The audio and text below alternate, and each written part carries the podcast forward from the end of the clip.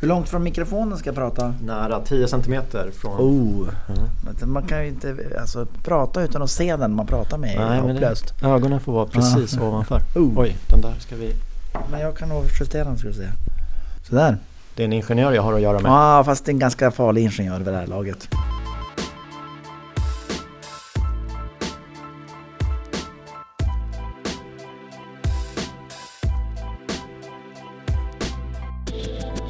Den 12 januari 2018 kablades nyheten ut. NCC hade utsett en ny VD. Styrelsen hade citat sökt efter en projektkunnig ledare som kan öka lönsamheten inom byggverksamheten. Och nu hade de hittat rätt. De hade fastnat för en person med nästan 20 års erfarenhet inom NCC, men som under de senaste sex åren hade varit VD i konsultbranschen och därifrån kunnat se både NCC och NCCs konkurrenter ur ett annat perspektiv. Min nästa gästs första kommentar efter att han blev klar som ny VD för NCC var att det känns som att komma hem. Men det var till ett hem som till vissa delar hade förändrats. Bland de första punkterna på att göra-listan fanns att analysera nuläget och att sätta igång ett förändringsarbete. Vad fick han ut av analysen? Vilka områden skulle förändras? Var i förändringsarbetet befinner sig bolaget idag? Hur ser han på branschen idag? Och vad ser han när han blickar framåt? Det och en hel del annat intressant får ni höra om i dagens avsnitt. Låt mig presentera Thomas Karlsson.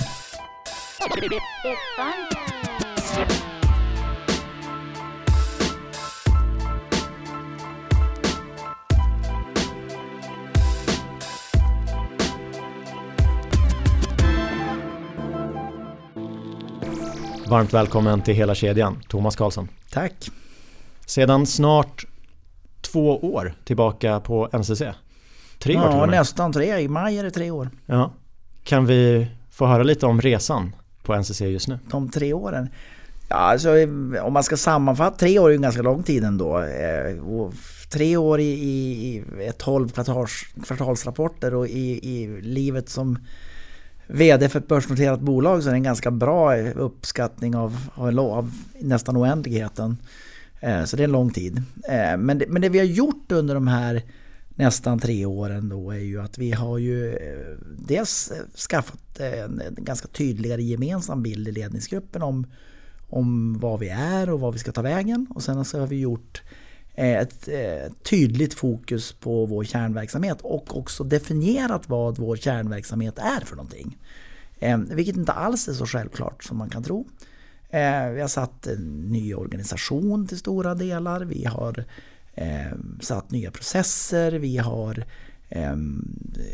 lagt ner och av, vad heter det på svenska, divested på engelska, verksamhet som, som vi inte tycker hör hemma hos oss. Senast var det Optiplan i Finland. Så vi har gjort en massa olika saker och, och, och så är det tydligare fokuset på vad som är vår kärnverksamhet. Eh, jag har många frågor på det temat. Mm. Men en sak som slog mig var att du sa 12 kvartalsrapporter. Ja. Tänker man så som koncern-VD? Alltså jag brukar, jag, gör det ibland när man pratar om tid eh, för att skapa någon sorts vet, eh, känsla för att det är bråttom. Sen så, eh, för, för det, är ju, det är ju ändå det som är på gott och ont. Och mest gott, gott faktiskt tycker jag, det är ju då vi sammanställer hur vi rör oss framåt. Eh, och, och, och, man kan tycka att tre år är inte så lång tid, men delar man det i, i ett antal kortare sprintar på som är 12 stycken, då ser man oj då, det har hänt massor med grejer och vi måste göra mycket på den tiden. Så jag, jag använder det som ett, en, lite grann av en metafor för att, att få organisationen att tycka att det är bråttom, det är viktigt, vi ska göra saker snabbt. Och jag tänker det här att om det är bråttom, det, det, kan ju vara bra för då, mm. då gör man saker. Mm. Finns det inte en risk att det blir lite kortsiktigt i tänket också? Att herregud, nästa rapport är om tre månader, vi måste visa någonting. Nej, alltså det där, det, det där är ju en ganska populär eh, bild av att man är kortsiktig i kvartalsekonomin. Eh, min bild är inte så, utan den skapar en, en hälsosam eh, tryck på organisationen. Vi behöver ändå tänka i, i relativt korta sprintar. Och sen ligger det ju i, i företagsledningens ansvar att se till att vi håller eh, ett antal maratonlopp gående också. Eh, och, och, och, det där är ju den balansen som man måste ha. För tre år sedan, 2018, så blev det ju känt att du, du kommer tillbaka. Mm. Först kom nyheten och sen några månader senare så Mm. lämnade du Mm. din förra Mm. uppdragsgivare. Vad var det som lockade med att komma tillbaka? Ja, det, det var flera grejer och, och det var inte någonting som var eh, Det var in, ingenting som var givet eller självklart på något vis. Jag hade en ganska lång diskussion med, med dåvarande styrelseordförande och delar av styrelsen och så. Ehm, eh, men det fanns ändå någon sorts lockelse i att ett hade vi åstadkommit mycket på min gamla arbetsgivare Sweco. Eh, och jag tyckte att där, liksom, där hade vi gjort mycket bra saker eh, och det skulle vi kunna fortsätta med. Men samtidigt så kände jag att dels en, en, en, någon sorts ansvarskänsla för NCC där jag har lärt mig mycket och utvecklats mycket personligt. Och sen tyckte jag också att jag kan en del om hur det är att driva ett bolag. Jag kan mycket om branschen, jag kan mycket om NCC. Eh, Så jag kanske kan åstadkomma någonting bra. Och jag drivs mycket av den där att det går att åstadkomma någonting. Så det var liksom summan som gjorde att jag tror att det går att åstadkomma någonting bra här.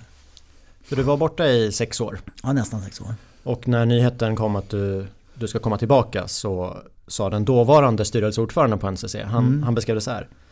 Därför söker vi idag en byggare, en projektkunnig ledare som kan öka lönsamheten i vår byggverksamhet. Mm. Hur beskrev han uppdraget för dig? Vad var det du skulle komma och göra? Nej, men, men vi hade ju en lång diskussion och det var ju det var ganska uppenbart att eh, NCC hade, eh, liksom, i och med att man hade gjort en omorganisation, man hade börsnoterat, särnoterat då eh, bostadsutvecklingsverksamheten så eh, den nuvarande Eh, uppställningen på NCC var ju liksom mer renodlad än tidigare. Eh, och sen var, hade man ju en del uppenbara eh, utmaningar ändå. Ehm, och, och, och, de pratade vi om.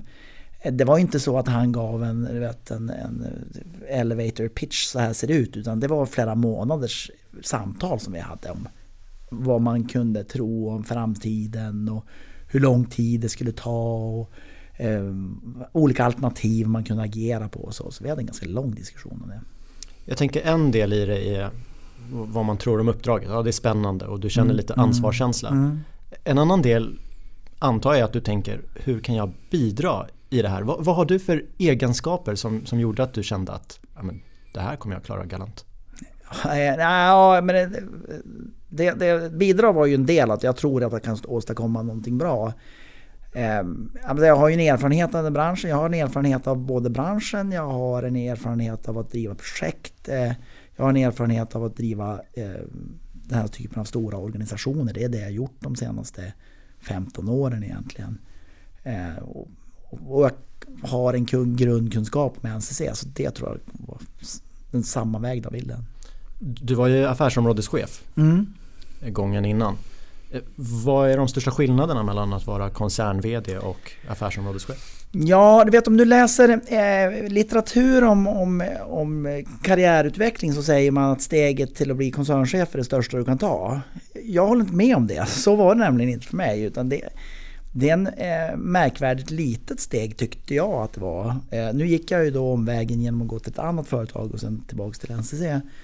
Ehm, men jag tycker egentligen inte att det är så där vansinnigt stor skillnad. Sen, sen drev jag ett stort affärsområde som då stod för mer än halva verksamheten av NCC. Så jag liksom hade ju en bild av hur, hur företaget funkade. Eh, på ytan kanske den största är ju eh, externa kontakter och, och kontakter med, med finansmarknad och så. Det har du inte som affärsområdeschef. Men sen är det ju ganska likartat. En skillnad är ju att man kommer kanske lite längre ifrån kärnverksamheten och det menar jag på rätt sätt nu. Att som Mm. affärsområdeschef, du är lite närmare projekten. Mm. Nå, ja, ja, det är man väl i någon med. Det, så, så är det. Men, men ja, både som affärsområdeschef och som koncernchef så anstränger jag mig ganska mycket för att ändå ha kontakt med, eh, med, med, med vår kärnverksamhet. Jag eh, är inblandad i projekt flera gånger i veckan. Eh, och, och eh, i, när det inte är coronatider så ser jag till att jag eh, är ute på ett projekt i veckan. Schemalägger det så att jag är ute och pratar med ett projekt i veckan hela tiden. Eh, så att jag tror att det är rätt. Jag, jag, jag tror att det finns ett, eh, ett värde i att man faktiskt känner stora delar av, av organisationen och eh, har pratat med dem och fått olika delar av input eh, som man sen får väga ihop. Thomas Billing, den dåvarande styrelseordföranden ja. i samband med presentationen mm. av dig. Han beskriver lite av ett förändringsarbete. Och sen när du kommer hit, hur kände du? Hur, hur överens var man internt på NCC att vi behöver förändra oss? Nej, men jag tycker att det fanns en ganska stor insikt i det. Eh, sen så är det ju en stor organisation så har man ju naturligtvis lite olika bild för från man kommer. Men i grunden tycker jag att det har mottagits ganska väl. Eh, sen är ju, det ju lättare att göra de första drastiska stegen då alla inser att någonting behöver göras. Sen så har vi ett långt arbete framåt för att utveckla koncernen som alla väl fungerande företag alltid ska hålla på med. Och vad var det första du gjorde när du gjorde din första dag här? Nej, alltså jag ägnade ju ett antal månader till att gå igenom verksamheten, både kvalitativt och kvantitativt. Jag eh, liksom tittade på hur de har presterat under, under ett antal år och hur utvecklingen, men också eh, kvalitativt pratade med jättemånga människor. Vi hade olika typer av fokusgrupper och seminarier. Jag försökte skapa en bild av var, var står vi nu. Ehm, och, och, det var ju det som ledde fram till det ehm, handlingsplan som vi, vi, tog, som vi presenterade på hösten 2018. Och vad var statusen? Nej men statusen var ju egentligen att, att, att vi hade en stark, väl fungerande kärna som var ungefär två tredjedelar av verksamheten. Men vi hade en lite för stor del, en tredjedel, som hade glidit bort och, och eh, inte riktigt presterade. Så det, det var ju liksom grundstatusen. Och vilken del var det som hade glidit? Ja, alltså det det som var tydligt var att vi kunde hitta mycket väl fungerande enheter såväl som inte så väl fungerande enheter i alla affärsområden i alla länder. Det hade varit lättare för mig ifall det hade varit en verksamhet eller en geografi. Eh, det, det, positiva i det är ju att man, man vet att det går att driva bra verksamhet överallt inom alla affärsområden. Eh, och det är det vi har tagit fasta på. I en artikel i Dagens Industri stod det att nu, nu, har Thomas Karlsson städat i tre kvartal och dragit upp den ena surdegen efter den andra. Vad menar de? Ja, det var väl då efter tre kvartal kan man tänka sig. Nej, men vi gjorde ju stora, vi gjorde ju stora nedskrivningar eh, i, på hösten 2018 och sen även eh, halvårsskiftet. Sen så tycker jag inte riktigt att det stämmer att det är det ena surdegen efter i tre kvartal. Utan man, man jobbar ju successivt på. Eh, så är det ju bara. Eh, och, och vi, vi, vi, tar fram det vi, vi tar fram det vi tycker är bra och vi åtgärdar det vi inte tycker är så bra. Eh, och nu har vi väl kommit in i mer, liksom ett mer normalläge där, som man, man jobbar på och då ser det ut så framöver. När man pratar om en tredjedel av verksamheten det är ju ganska stort när vi pratar NCC. Ja, det är stort. Och, och du hade ju varit här sex år tidigare. Ja. Vad hade förändrats under de här åren? Alltså jag, jag vet ju inte riktigt vad som hade hänt. Alltså man hade ju omorganiserat och man hade grejat på en massa olika saker. Det, det, det jag vet är liksom vad gör vi nu för att få det till, en, till, ett, till ett sånt företag som jag och, och koncernledningen vill att vi ska eh, vara. Och, och, det är ett företag som, som tydliggör att vårt, vårt uppdrag och det vi brinner för och det verksamheten är passionerad för det är ju att leda och driva byggprojekt. Det är det som vi, vi, vi fokuserar på nu.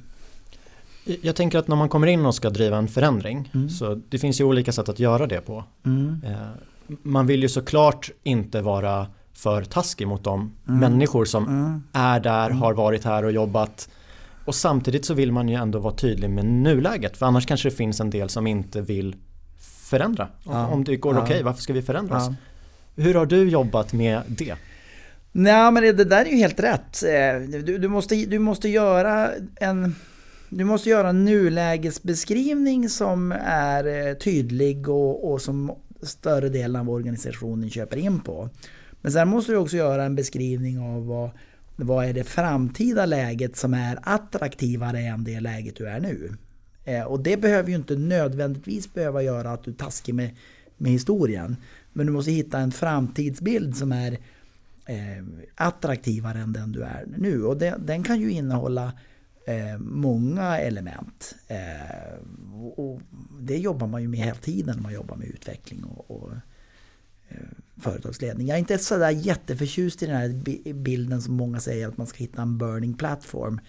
Därför att oftast är man inte på en burning platform. Men det kanske finns en utmaning man ska ta tag i och, och, och det finns ett bättre läge man kan komma till.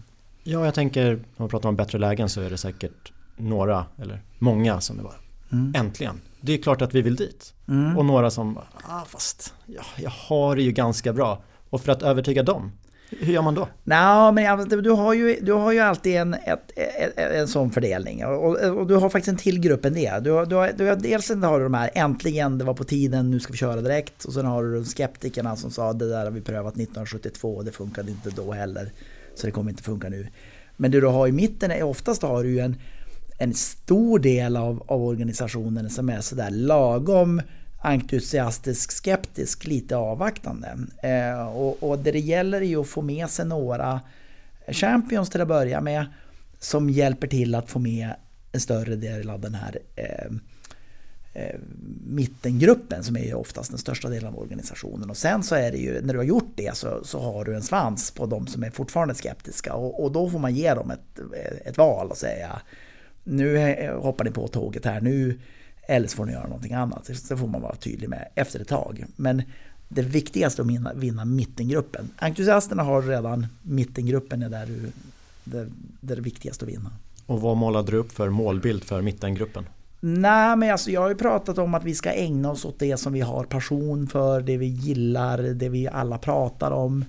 Eh, liksom, hur vi driver projekt är ju det som alla, alla går igång på. Jag, jag har sagt det många gånger att om jag börjar en, en, presentation så har jag nästan alltid ett projekt.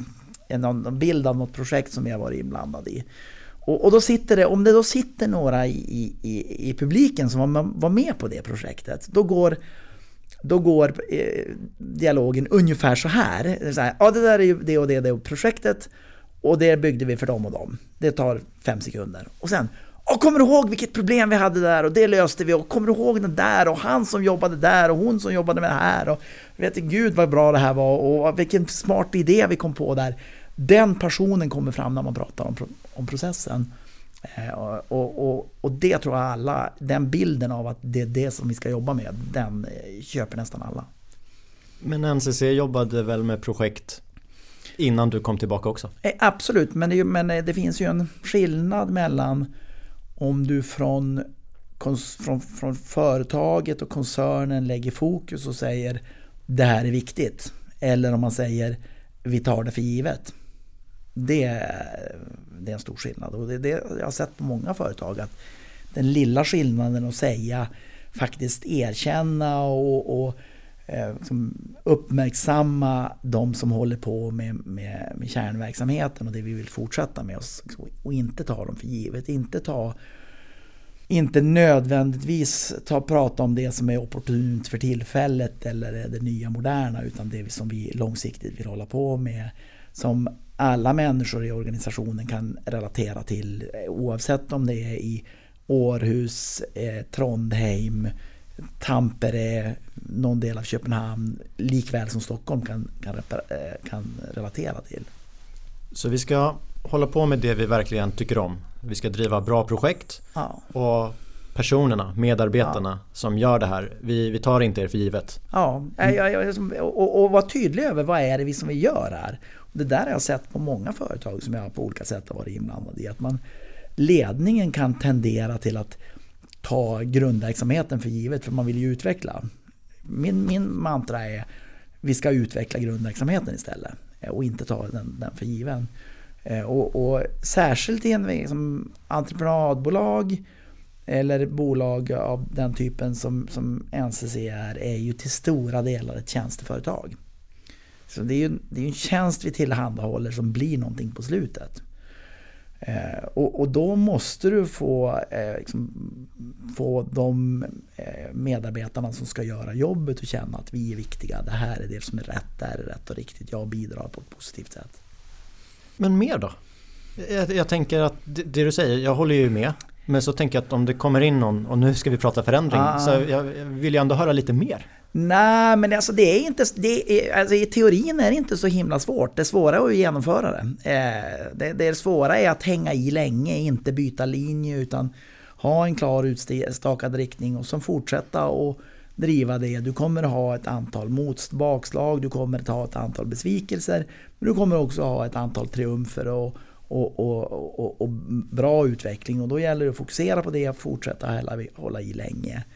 Eh, det är som jag har använt någon, någon metafor om en amerikan som försöker bygga en skotsk eh, sko, golfbana. Och liksom, han skaffar sig alla grejer som behövs och gör precis så här. Och så, och så, men det blir ju ändå inte så bra. Jo, jo, bara du fortsätter i 300 år så kommer det här att bli bra. Eh, nu ska vi kanske inte ha 300 års perspektivet men eh, men går tillbaka till den första frågan där om, om kvartalsekonomin kontra liksom, långsiktigheten det gäller att ha ett, ett ordentligt maraton med sig säga att vi ska utveckla det här över mycket lång tid. Samtidigt som vi förväntar oss att vi har små, små utvecklingssteg hela tiden. Kan vi få höra om några mer konkreta exempel? Ja, du var på, på vad som har hänt.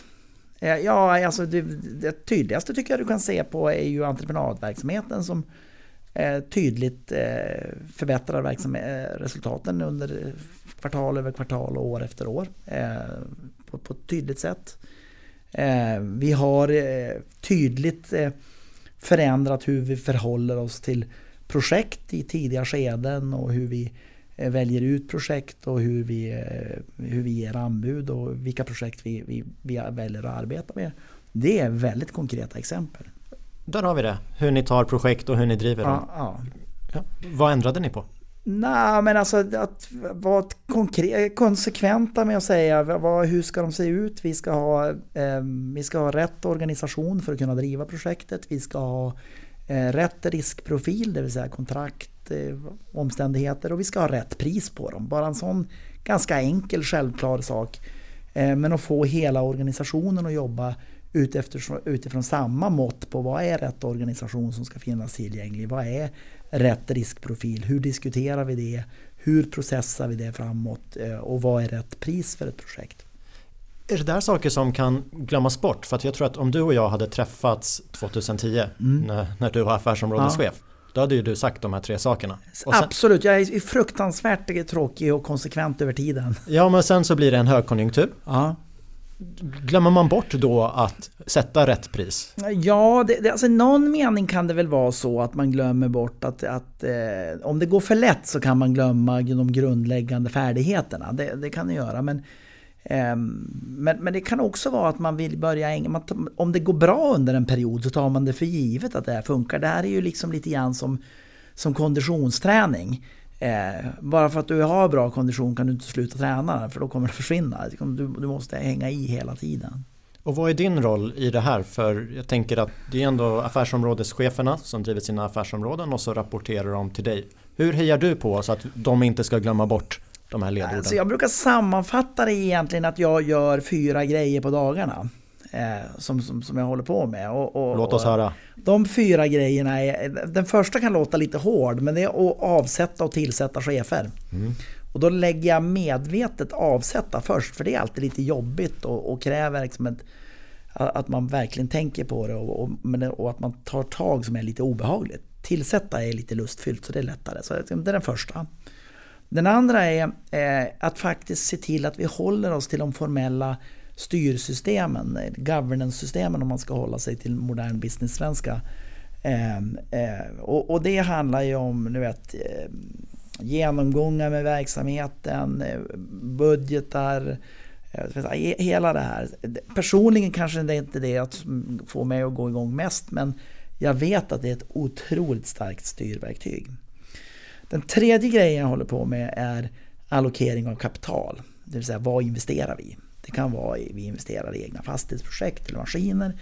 Men det kan också vara eh, utbildningsprogram eller sådana saker. Vad, vad, vad är det vi i IT-system? eller Vad investerar vi i? Och den fjärde punkten är, är kommunikation. Eh, I, I alla möjliga format. Det här att delta i din podd är en del i den kommunikationen. Eh, men liksom all kommunikation från eh, en till en möten som jag har haft två stycken nu på morgonen här och prata om hur jag tycker att vi ska utvecklas till masskommunikation i termer av eh, stora möten eh, i normalfallet utan corona, eh, media, filminspelningar och sånt och kommunicera med hela organisationen. De fyra sakerna är de hävstängerna som jag egentligen har att använda. Ibland kan det ju vara lite känsligt att prata om tiden då man själv inte styrde för det blir ju lätt att man betygsätter någon annans arbete och, och det har jag respekt för att man inte vill göra. Mm. Men den feedback du har fått från personal som är kvar, eh, vad, vad säger de? Vad har blivit bättre i deras vardag? Alltså, ett ska man säga att det är väldigt svårt att, att i, i någon mening betygsätta där man inte var där. För man, man får bara vissa delar och, och, man ska också vara medveten om att den feedback jag får är väldigt filtrerad. Så det får man vara väldigt, väldigt, väldigt, väldigt försiktig med. Eh, eh, om, om det är någonting som jag vet att jag brukar del, bidra med till organisationer så är det stabilitet. Att det är liksom tydligt vad vi ska göra och det är ändrar sig inte så, så, så, snabbt. Därför att det här är liksom att, att ändra, att utveckla och ändra en sån här stor organisation. Vi har knappt 15 000 egna medarbetare. Vi har någonstans mellan 30 och 35 000 underentreprenörer inne på våra eh, projekt hela tiden. Så det, det är liksom 50 000 människor som ska nås av, av ett budskap. Eh, det tar väldigt lång tid och då får man inte hålla på och ändra sig hela tiden utan man får vara väldigt tydlig vad som gäller eh, och det tar lång tid. Jag tycker det är intressant att sitta här och prata med dig för att när vi pratar om byggbranschen, det, det, låter så enkelt. Vi ska hålla på med det vi tycker om och det är projekten och medarbetarna är viktiga. Mm. Eh, styrsystem, det är bra och så ska vi följa upp budgetar. Ja. Det låter ganska självklart. Det är, inte, har, det är inte svårare än så. Ja, fast du har beskrivit byggbranschen som komplex. Ja, men, det är men, två olika saker. Nej, men jag tror att det, det hänger definitivt ihop och jag menar alltså jag brukar säga när jag, ska, när jag ska provocera lite grann så brukar jag säga att ingenting i, i den här branschen är komplicerat. Eh, ingenting är så komplicerat så inte en normalbegåvad människa kan begripa det på en kvart. Det blir lite irriterad när jag säger så, men jag, jag håller i princip med att det är så. Men det som gör det här svårt, det är komplexiteten på de otroligt många faktorer som ska hänga ihop. Och de otroligt stora mängden eh, intressenter runt omkring projekten varav de allra flesta inte har någonting att bidra med positivt utan de enda kan göra är att de kan säga nej. Man, man, kan, man kan vara mot ett projekt men det är väldigt, det, det, många kan vara emot ett projekt men det är färre personer som eh, bidrar och själv investerar i samma projekt. Så det är en större mängd. Sen tekniken är svår för att det är en ny design. Du har, eh, du har eh, allt ifrån eh, de som bidrar i projektet där du har inbyggda motsättningar mellan konstruktören och arkitekten och investeraren och slutkunden och entreprenören och olika typer av eh, entreprenader i projekten. Men också externa eh, intressenter i termer av eh, offentliga myndigheter i termer av både politik och tjänstemän som kan ha olika typer av, av ehm, påverkan. Du har eh, grannar, NGOer, de som har synpunkt på stadsutveckling. Alla, alla de är en del som vi ska ta hänsyn till och då ska vi göra en unik produkt. Varav ingen insatsdel är särskilt komplicerad. Men när man sätter ihop allt det här så blir det otroligt komplext. Det blir komplext för våra kunder. Eh, det blir komplext för, för de som ska göra det. Och det gäller att ha de här grejerna som jag pratade om tidigare. Rätt organisation, rätt styrsystem, konsekvens på plats för att kunna hantera den här eh, komplexiteten. Och det gör vi riktigt bra. Så vi ska hantera komplexiteten. Ja, vi, vi, vi, ska ja. inte göra någonting för att den ska bli mindre komplex? Det kan man väl önska att man skulle kunna göra men jag tror att eh, det är, ligger väldigt långt bort att man skulle göra det. Därför att det finns legitima skäl till att det ser ut så här. Det finns legitima skäl till att det finns många människor som ska kunna ha synpunkt på ett projekt. Det finns legitima skäl till att vi har olika typer av arkitektur och olika byggnader. Det finns legitima skäl till att det ser ut så här. Sen kan man, ska man ju i alla lägen försöka jobba med, med förenklingar. Eh, men jag tror vi kommer eh, aldrig en väldigt lång tid men inte under överskådlig tid åtminstone kunna säga det här är superenkelt. Det är bara legobitar som vi staplar på varandra och alla är överens om att det är så det ska vara. Dit kommer vi inte tror jag. Kan ni märka på NCC, för NCC är ett stort bolag och ni har ju flera delar i kedjan in-house. Mm. Märker ni någon skillnad på projekt där ja, men NCC Property Development, de är beställare. Och eh, bygg bygger och så har ni egna anläggare kontra externa projekt?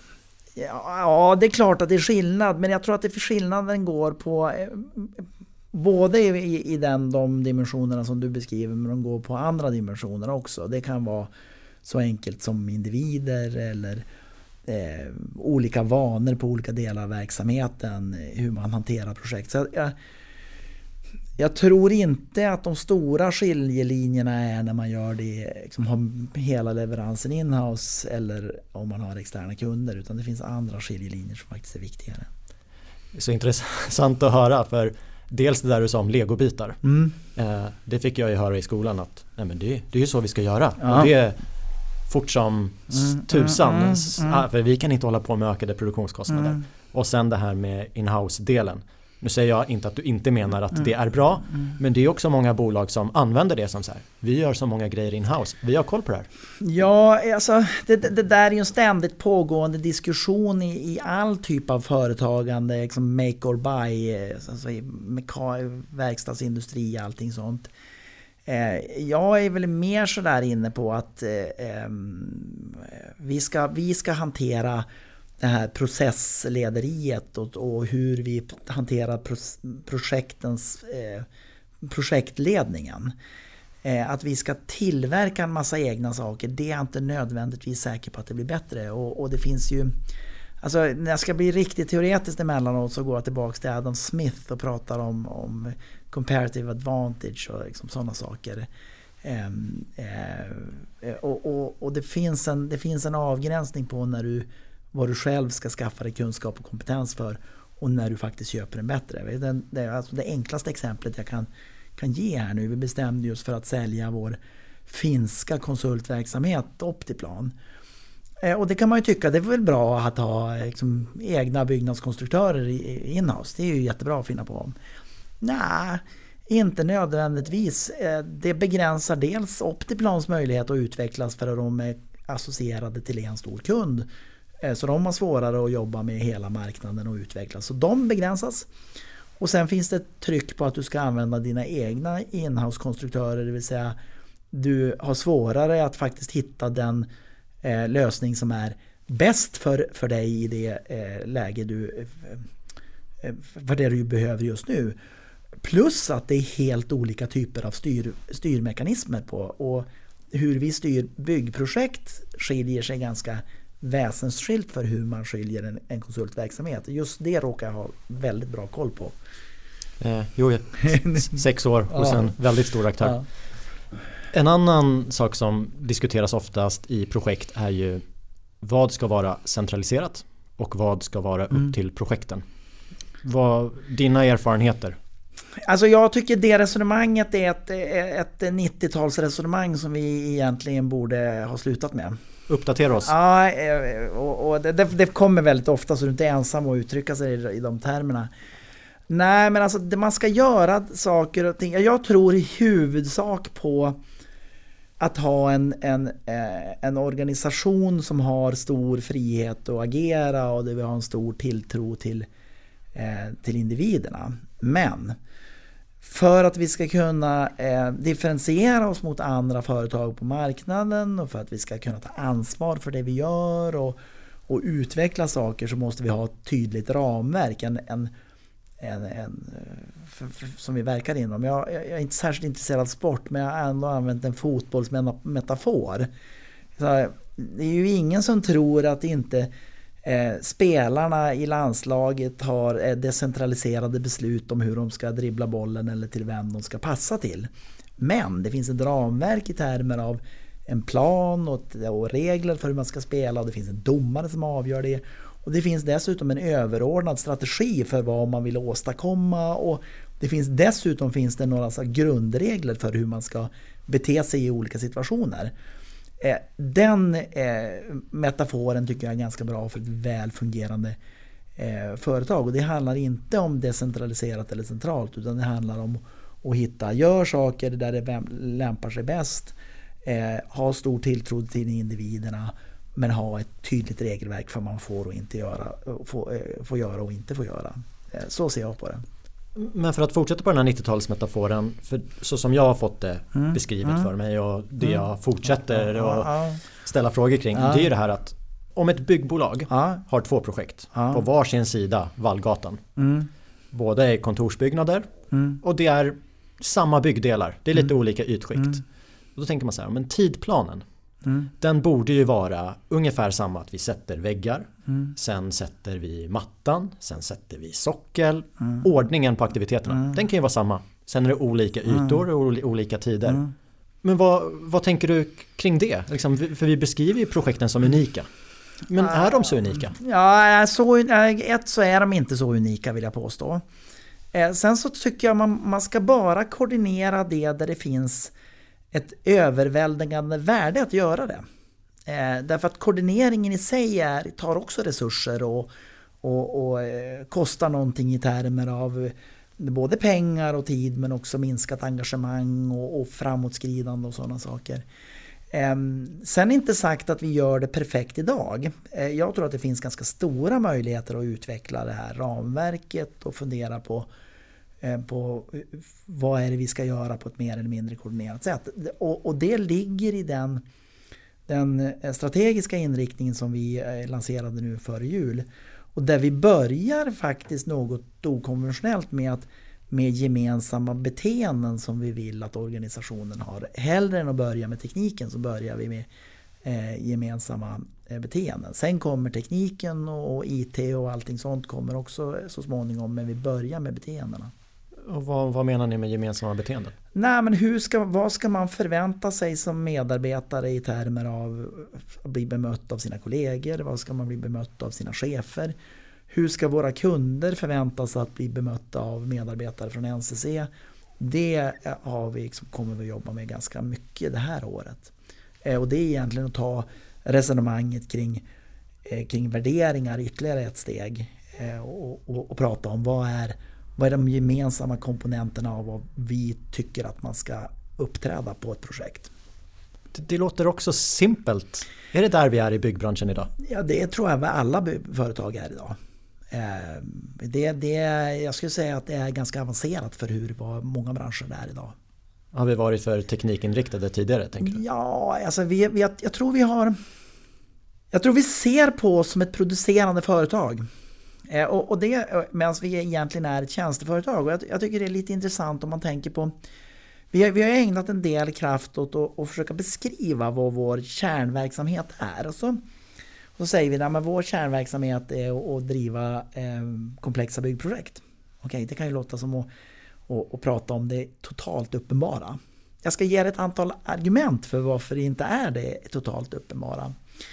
Den första är, vi, vi gick ut och pratade med organisationen, stod en massa människor i vår organisation. Och då fick vi ett spann av, av beskrivningar för vad vi är. Och de ytterkanterna på de här eh, spannen är egentligen den ena som ser oss som någon sorts eh, hantverksbolag, det som är summan av alla hantverkare vi hittar i bolaget. Och sen behöver vi någon sorts eh, overheadstruktur för att hålla ihop det. Och den ska hållas så kort som möjligt. Det, det är den ena ytteränden.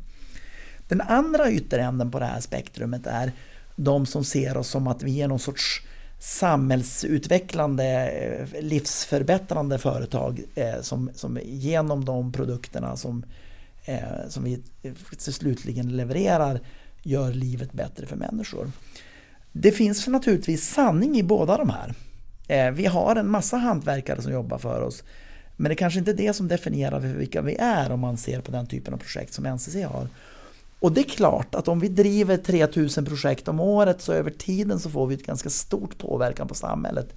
Men vår roll är kanske inte att utveckla samhället. Det finns det många andra som lägger sig i. Det, är, det finns det politiska processer och det finns det samhällsplanerare som håller på och ägnar sig åt.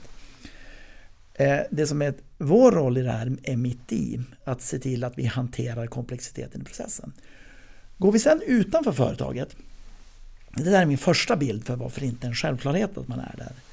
Eh, går man sen utanför företaget och frågar ja, människor som dig själv eller våra kunder eller studenter eller vet, människor i stort så är bilden ganska likartad. Att, att det är liksom, antingen har man extremen att vi är summan av ett gäng med hantverkare eller att det är någon sorts samhällsutvecklingsföretag.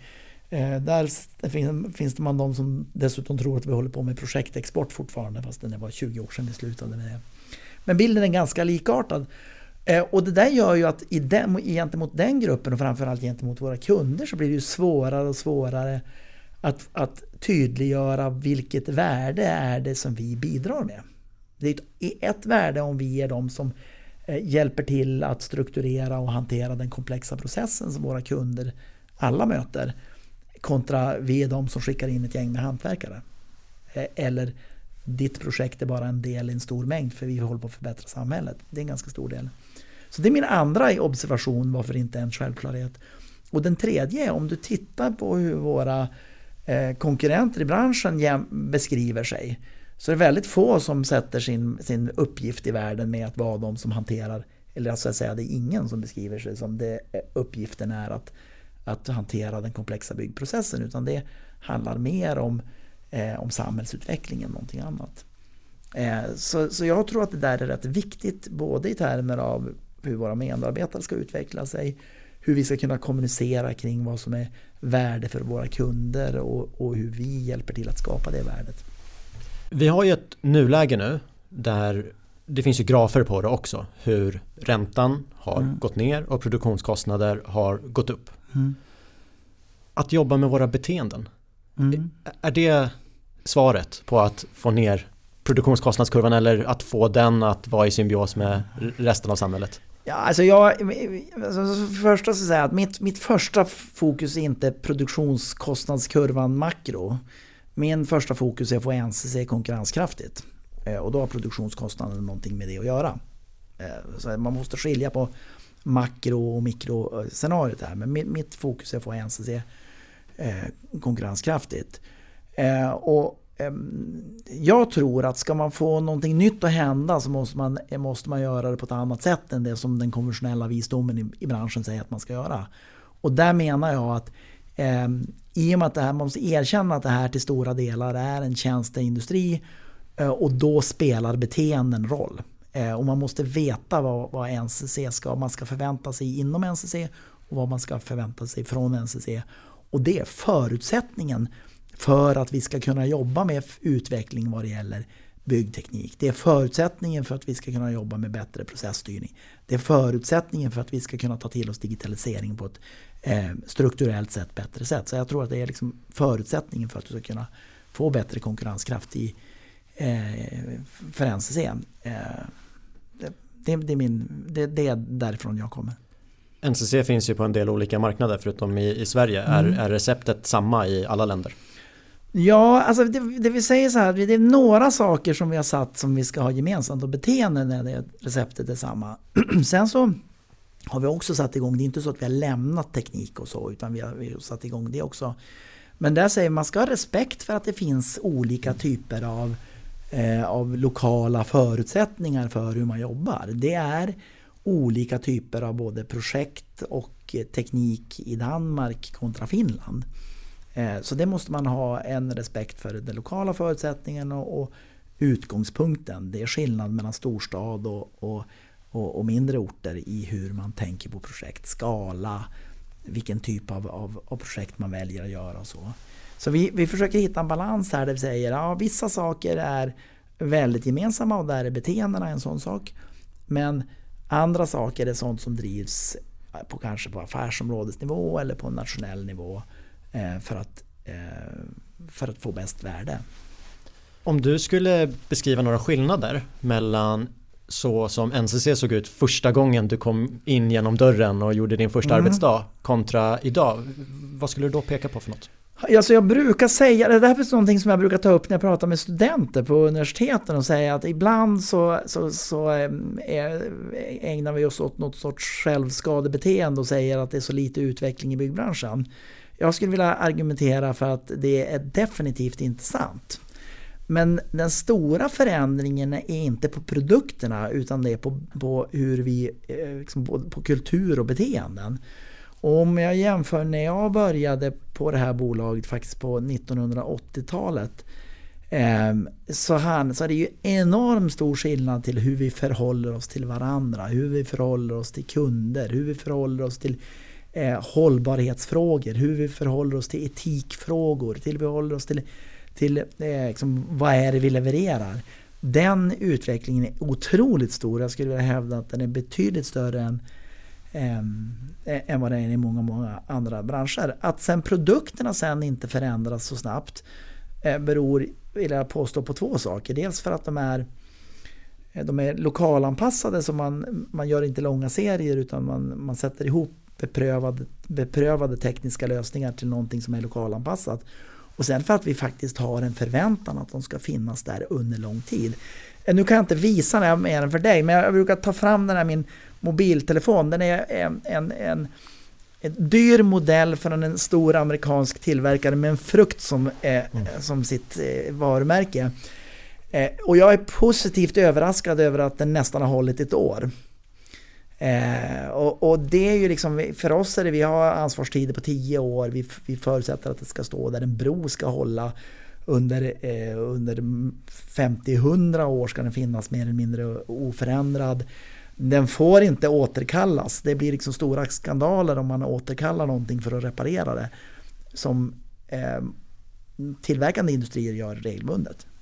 Alltså min, min Volvo, som jag, min tjänste-Volvo är två år gammal, nästan tre nu. Den har varit på återkallning två gånger. Eh, det händer ju hela tiden, ingen bryr sig om någonting sånt. Men, men, men vi tenderar till att oj, oj, oj, oj, det har inte hänt någonting i vår bransch. Så jag vill påstå att det har hänt jättemycket i branschen. Men vi, vi, vi, vi tenderar till att tro att vi är ett produktföretag men vi är ett tjänste, tjänstebransch egentligen. Det där är intressant för om vi tar det här amerikanska fruktföretaget. de lanserade ju mobiltelefonen 2007. Ja. Och om man kollar vad de håller på med nu.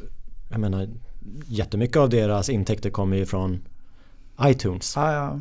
De har ju förändrat sin affär mm. lite. Om vi tänker NCC idag. Mm. Vi driver komplexa projekt. Mm. Det är det vi gör.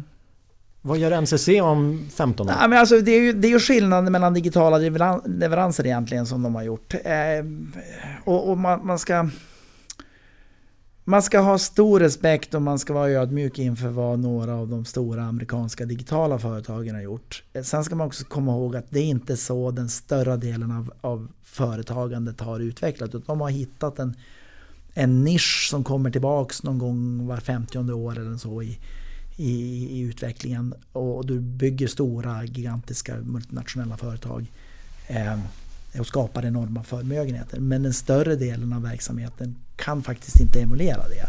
Sen försöker vi lära oss så mycket som möjligt av det. Vi försöker utveckla så mycket som möjligt. Eh, men jag, jag, ligger inte sömnlös över varför vi inte har hittat den, närma, den nästa prenumerationstjänst på, bygg, eh, på byggentreprenader eller, eller, eller asfalt när de kom med sin mobiltelefon 2007 så förändrade de ju faktiskt hela mobilindustrin. Och, mm. och, och Trots att alla visste att den skulle komma. Ja, men man kan ju inte ha en telefon Nej. utan fysiska Nej. knappar. Nej. Det vet väl alla. Kan du se någonting sånt hända i vår bransch? Och vad skulle det vara? Ja, alltså jag försöker med jämna mellanrum utmana mig själv och se vad är den disruptiva saken som ska hända. Och jag kan inte riktigt se det. Jag har, jag har haft sådana här eh, kortvarigare ångestpåslag över att jag har sett någonting komma som vi måste förändra snabbt. Eh, och det har aldrig hänt då. Det, och det är ju ingen garanti för att det inte kommer hända framåt. Det ska man, vara, så man måste vara lagom paranoid hela tiden. Eh, det jag tror kom, är, kanske gör att vi inte kommer att se det är just den här komplexiteten och de många människorna som är inblandade. I, i termer av, om vi återgår till, till frukttelefonerna igen, så, så tar de ett stort bett. De är ganska fria. De har vissa parametrar i termer av radiofrekvenser och några sådana saker som de har lite säkerhetsregler, men de är ganska fria. Det kommer inte att finnas någon eh, tjänsteman i olika städer som säger att den måste se ut på ett visst sätt i, i den stan. Det kommer inte att finnas en, en, en, en grannförening som säger att i den här orten så får vi minsann inte ha några sådana där knapplösa telefoner. Eh, och, och, jag tror att hela den här komplexiteten i, i processen eh, gör eh, det där eh, svårare att hända. Eh, men man måste vara lämpligt paranoid hela tiden och titta efter vad som, om det kan hända. För det finns eh, många som har haft fel när de inte trodde det skulle hända. När man googlar dig så mm. möts man ja, ganska högt upp av att han är tillbaka på mm. NCC. Mm. Men om man som jag bläddrar vidare ja. så är det ju mest att du presenterar nya förvärv hos Sweco. Mm, det, det, blev en del. Ja, det blev ett gäng. Och på NCC har du sålt av verksamheter. vad är det som Nej, händer? Men alltså man får ju, alltså det man gör är ju inte, det är ju inte generiskt att man har någon sorts personlighet. Att, eh, så, så här, utan det beror ju liksom på förutsättningarna för verksamheten. Och, och jag tycker det här handlar det om att vi ska, vi har presenterat en, en trepunktsplan som är liksom först stabilisera verksamheten, det är klart. Nu jobbar vi med lönsamheten och utveckla den strategiska inriktningen med det här. Och sen kommer vi till ett tredje steg där vi utifrån den strategiska inriktningen och modellen nu vi ska jobba ska ta bolaget vidare. Där är vi inte ännu. Um, uh, om man sen tar den, liksom den frågan som jag får från aktiemarknaden med jämna mellanrum om förvärv. Ja, vi har en stark balansräkning nu, men förvärv ska inte drivas av en stark balansräkning. Den ska drivas av att det finns en industriell logik. Uh, och, och, och det, det, är många stjärnor som ska vara uppradade innan man kommer dit. Sweco var väldigt liksom, inriktat på att hitta sättet att göra, eh, göra förvärv. Eh, så det är, andra, det är olika förutsättningar, olika bolag, olika grejer man jobbar med. Skulle det kunna vara en game changer? Ja, det, det låter jag vara osagt så länge. Man måste, det gäller ju att hitta vad värdet är. Alltså det som, och det ligger lite grann i, i det arbete vi har gjort med, med, med strategisk inriktning. Det gäller ju att göra sig klar över vad är värdet av att vara ett stort företag. Det tycker jag vi har gjort klart för oss själva och vi jobbar med ett antal saker för att liksom hitta det. Ehm, men vi och jag skulle vilja påstå hela branschen har egentligen aldrig riktigt funderat igenom vad, vad är det för något värde som finns i att vara ett stort företag. Ehm, och det måste man först göra. Vilka värden finns det? Nej, men det faktiskt ligger väldigt nära kärnan i, i vad som är liksom, vår, vår hemliga del. Vad, vad, hur tycker vi att, att ett företag ska, ska fungera? Men vi hoppas att vi kan demonstrera det för våra kunder, vad värdet finns. Vi ska kunna demonstrera för våra kunder, vi ska kunna demonstrera det, inte för att vi pratar om det som värde av stora företaget, utan det ska vara uppenbart i, i termer av hur vi uppträder. Många andra branscher, du, du var själv inne på det, mm. att det är lite olika förutsättningar. Men de beskriver ju den här målbilden där, där, du nämnde tidigare att vi ska hålla på med det vi tycker är kul och vi ska mm. driva komplexa projekt på ett bra sätt. De beskriver det som tillväxt, tillväxt, tillväxt. Vi ska bli mm. större, vi ska tjäna mer pengar. Ja, alltså så, så är det ju i grunden. Ett, ett företag som ska skapa värde på, eh, måste växa till och då växa till i termer av, av, av vinst. Eh, det är värdeskapande i ett företag. Eh, och det är ju målet vi har för NCC också. Sen är vi lite försiktiga med att vi eh, och många andra har haft ett antal år här där de stora företagen inte har växt till och, resultaten kanske inte i absoluta termer har ökat jättemycket. Och kanske till och med gått ner under perioder. Så först stabilitet, utveckla vad det är, men långsiktigt så måste alla företag växa. Din historik, eh, mm. du har ju varit på NCC länge, men en sak som du har gjort, du har mm. varit på ett företag utanför byggbranschen men nära byggbranschen, mm. Sweco. Mm. Och då såg ju du, du såg NCC men du såg också era mm. konkurrenter. Vad tycker du? Hur sköter vi oss? Ja, jag, tycker vi, alltså, jag tycker vi sköter oss bra i Sverige måste jag säga. Eh, det tycker jag. Sen, sen är det en del skillnader mellan hur, bransch, hur entreprenad och industribranschen fungerar i olika länder. Man har olika regelverk och lagsystem och lite sådana saker. Men jag tycker vi sköter oss ganska bra.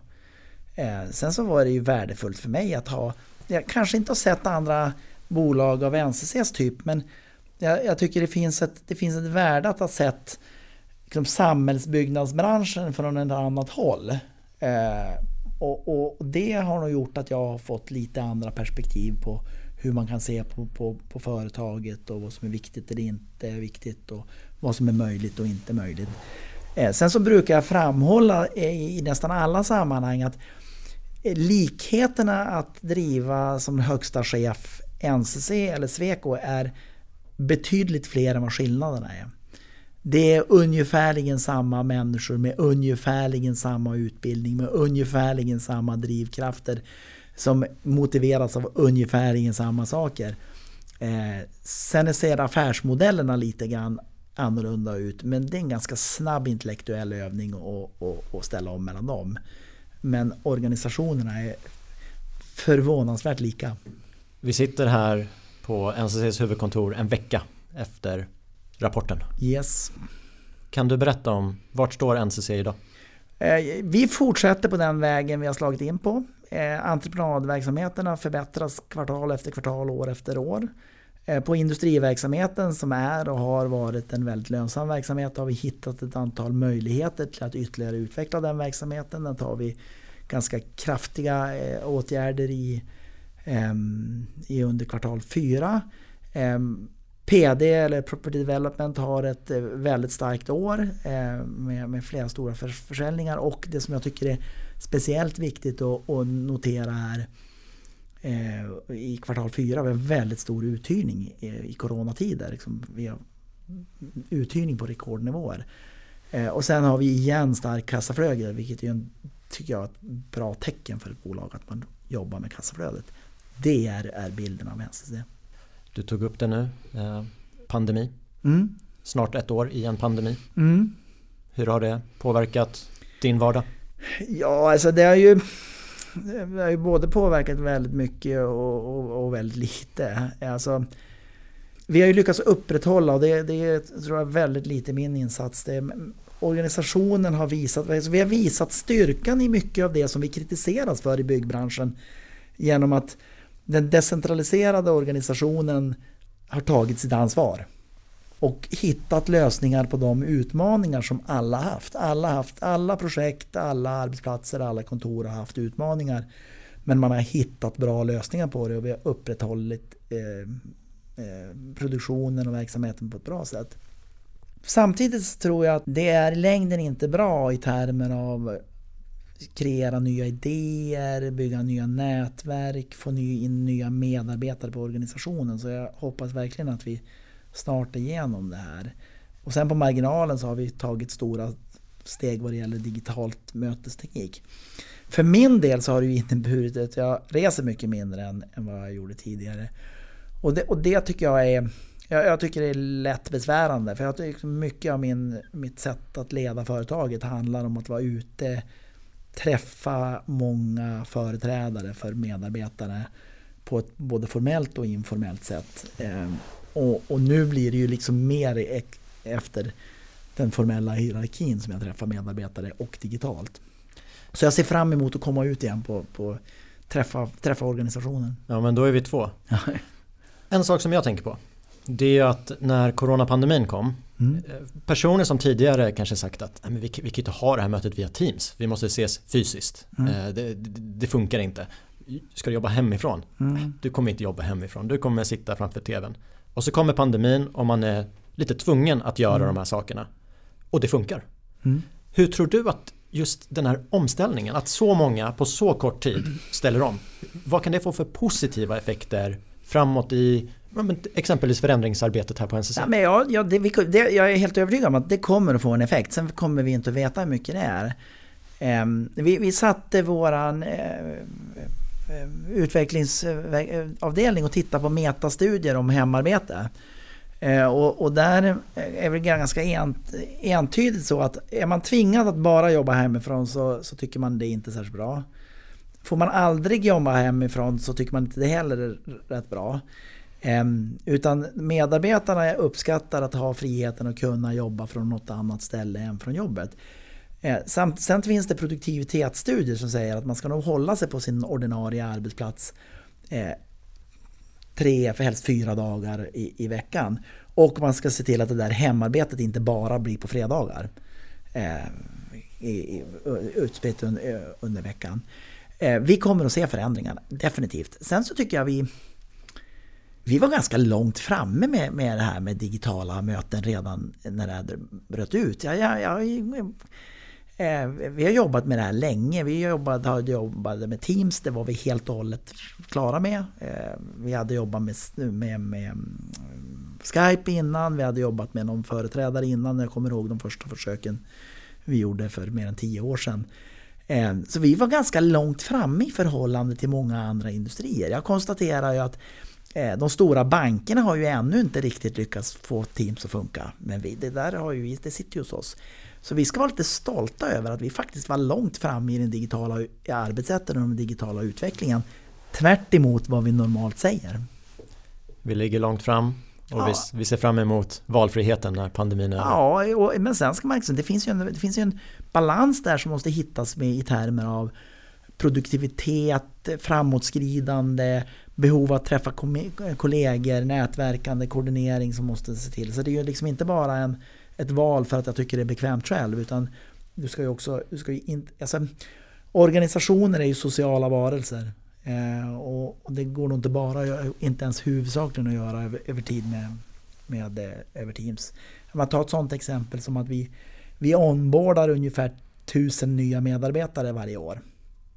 Hur får du se dels att se till att bli bra om du, hem, här är din dator, hem och sitter i ditt kök och, och, och teamsa. Det blir inte samma sak som du faktiskt får träffa dina medarbetare.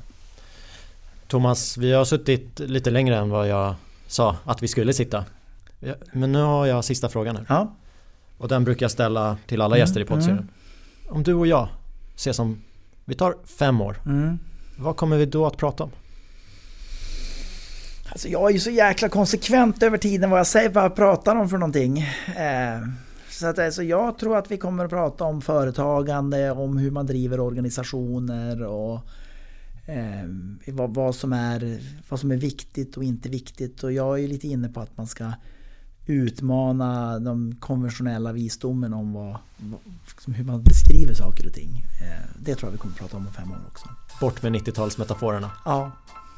Tack för att du gästade Hela kedjan. Tack för att jag var här.